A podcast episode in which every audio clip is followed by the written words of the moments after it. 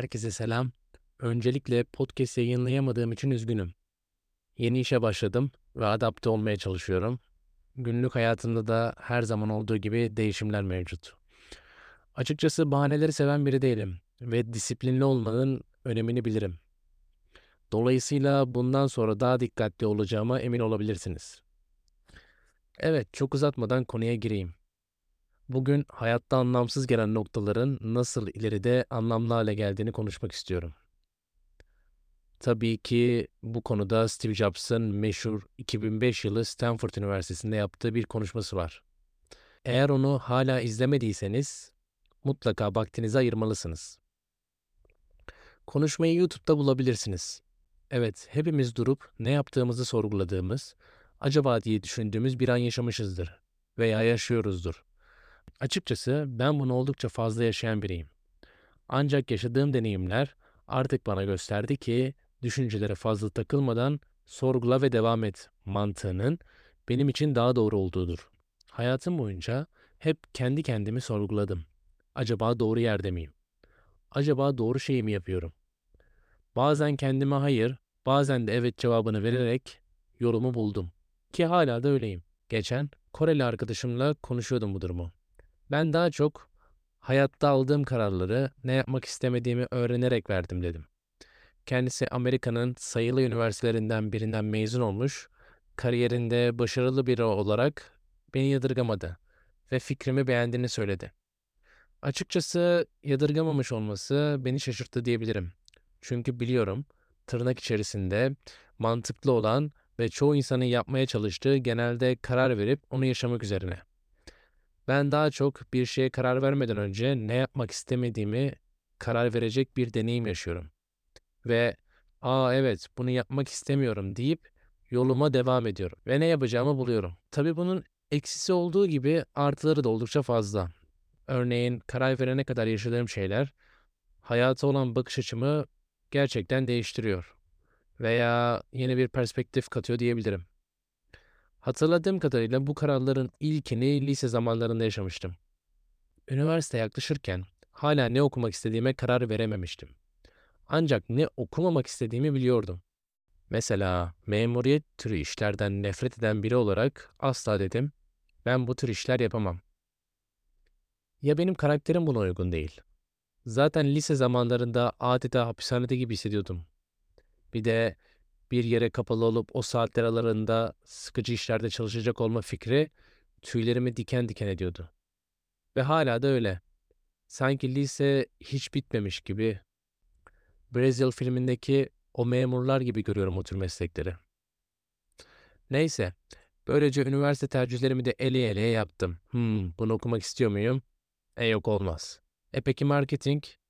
Diyerek seçimimi yaptım. İyi ki de marketing alanında ilerlemişim yaptığım en mantıklı tercihlerden biri diyebilirim. Geriye dönüp baktığımda üniversiteden sonra iş hayatına hemen atılmamış olmak, bir sene ara verip entelektüel bir uğraş peşinde başarısız olmak, ilk zamanlar bana bir yerlerde yanlış yaptığım yönünde bir izlenim verdi. Ancak daha sonra orada kazandığım bilgiler ve referanslar iş hayatında bana yardımcı oldu. Biliyorsunuz çalıştığım firma iflas edince kendi işimi kurdum bir sürü insan, tecrübe ve en önemlisi özgürlük kazandım. Şimdi Japonya'dayım. E geriye dönüp baktığımda akademik uğraşım olmasaydı ve bu uğraşımı görüp bana pozisyon açan o işe girmeseydim, komik ama o firma batmasaydı kendi işimi kuramazdım. Yani bunların hiçbiri olmayacaktı. Bir nevi kelebek etkisi. Yaşarken çektiğim sancıları düşünüyorum. Kesinlikle değer. İyi ki gelmişim Japonya'ya. Yani kenarımda biriktirdiğim, hatta fazlasını harcadığım bir tür yolculuk bu. Ama ben bu yola gerçekten isteyerek çıktım. Neden bu kadar istedim? Bir sürü sebep var. Ama içimde gerçekten gitme isteği vardı. Bir şey arıyorum veya o beni arıyor. Ve benim onu bulmam lazım. Bu arada Türkiye'de karamsar mıydım? Kesinlikle hayır. Hatta tüm arkadaşlarım, ortağım hariç karamsarken ben hep Türkiye'de çok fırsat olduğunu söylüyordum. Kim muhalefetinden hükümetine, siyasi partiler sağ olsun, o kadar olumsuzluğa rağmen Hala da öyle.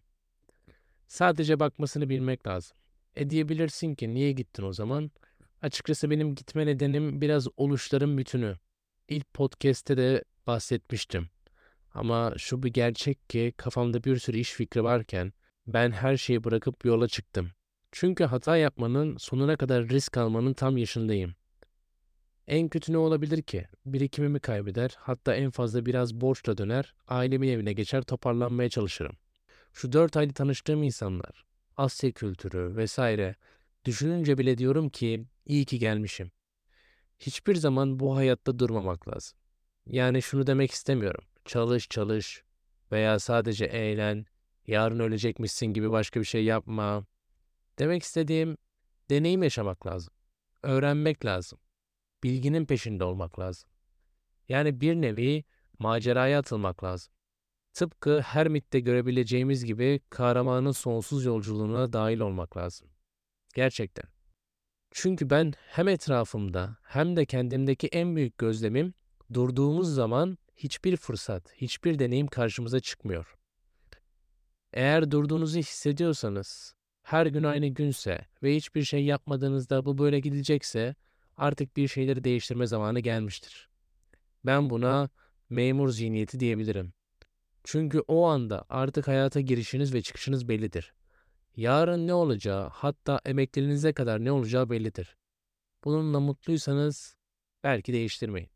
Ancak ben mutlu olamam. Kahramanın sonsuz yolculuğu ve macera dedim. Bunu çok da romantik bir açıdan söylemedim. Konuyu birazcık daha açmak istiyorum.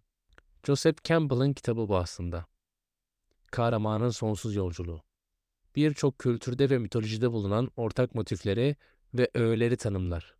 Bu model bir kahramanın, bu kahraman siz de olabilirsiniz, genellikle olağanüstü bir dünyadan çağrı aldığı, kendini keşfettiği, zorluklarla karşılaştığı, bir dönüşüm geçirdiği ve sonunda evine veya başlangıç noktasına geri döndüğü bir yolculuk. Bu motif pek çok filmde ve hikayede kullanıldığını göreceksiniz. En popülerlerden örnek vermek gerekirse Yüzükler Efendisi denilebilir.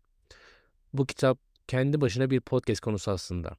Belki ilerleyen süreçte tek bir yayın yapılabilir. Sanırım ben bu kitapta anlatılan motifleri yaşamayı seviyorum. Şu an Japonya'da bu kitabı düşündüğümde gerçekten 5. aşamadayım. Yani eşiği geçme veya ilk eşik. Bu aşamada kahraman normal dünyasını terk eder ve maceranın gerçekten başladığı bir eşiğe adım atar. Bundan sonrası gerçekten sancılar ve sınavlarla dolu aşamalardan oluşuyor. Yavaş yavaş bunları da sonuna kadar yaşıyorum. Hiç merak etmeyin. Tabii ki olay örgüsündeki kahraman gibi maceraya çıkmanın, yani böyle radikal kararlar almanın elbette büyük götürüsü var. Mesela modern dünyanın bize getirdiği bir şeylere sahip olma arzusundan mahrum kalmak veya sahip olduğun şeyleri burada feda etmek gibi. Ancak baktığımız zaman sahip olduğumuz şeylere gerçekten biz mi sahibiz yoksa bir yerden sonra onlar mı bize sahip? Tartışmalı. Diğer bir deyişle kendi benliğimizi tükettiğimiz şeyler üzerinden inşa ettiğimiz bir dönemde sahip oluyor muyuz yoksa onlar bizim bir parçamız mı? Bir maymun tuzağı var. Bunu paylaşmak istiyorum. Eminim içinizde bunu bilenler vardır. Su kabağına kurulan bu tuzakta maymun içindeki yemi almaya çalışır. Fakat yemi aldığı zaman elini tuzaktan çıkaramaz. Tuzaktan kurtulmasının tek bir yolu var, elindekini bırakması. Fakat çoğu zaman bunu yapmayı tercih etmez ve elini tuzakta bırakır. Birazcık da hayat böyle işte. Tabi insanlar artık o kadar kendilerini yaşadıkları hayata inandırmışlar ki bu tarz şeyleri konuştuğun zaman boş gözlerle sana bakan yüzleri görüyorsun. Yani karşındaki kişi bunun farkında bile değil. Birazcık da gerçekçi olmak lazım. Maceraya atıldığınızda bir sürü bilinmezlik ve belirsizlik sizi karşılar. Kabul edelim ki kimse belirsizlikten ve bilinmezden hoşlanmaz. Tıpkı ölüm gibi. İnsan bilinmezliği kabul edemiyor ve ona cevap sunan bir dine, kavrama inanmayı tercih ediyor. Bir şeyler uğruna yaşamak işte böyle bir şey. Çünkü kendinizi ve etrafınızı sorgulamaya başladığınızda bulduğunuz şeyler sizi pek de mutlu etmiyor. Sonra kendimizi bir şeylere adamaya başlıyoruz ve hayatımızı böyle anlamlandırarak yaşamaya çalışıyoruz. İşte bu haftalık bu kadar. Biraz alışılmışın dışında bir son oldu ancak ne yapalım? Görüşmek üzere.